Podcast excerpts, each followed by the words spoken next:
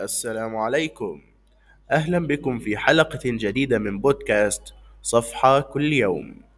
نقرأ لكم اليوم صفحة من كتاب حياة المسيح لعباس محمود العقاد عن دار اليقين للنشر والتوزيع.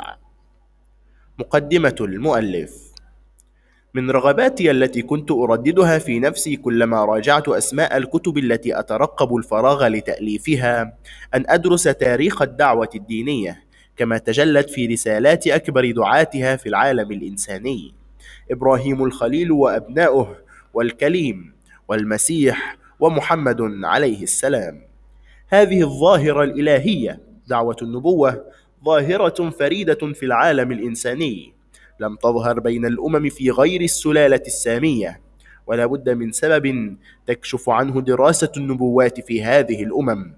وسببها من جانبها التاريخي فيما ظهر لنا من المقارنة الطويلة بين الديانات أن النبوات الكبيرة كانت ترتبط بمدن القوافل لأنها بيئة وسطى بين الحضارة والبداوة. وكذلك كانت أور وبعلبك وبيت المقدس ومكة ويثرب ومدين ومحلات الطريق في جانب فلسطين وشمال الحجاز.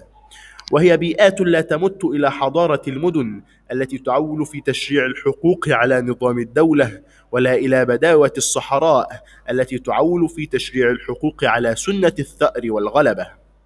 ولكنها مدن القوافل وسط من الجانبين مع حاجتها إلى تقرير الحقوق في كل لحظة لدوام المعاملات واشتباكها ولكثرة الطارقين ذهابا وايابا ممن يجدون المال ويبحثون عن المتعة العارضة.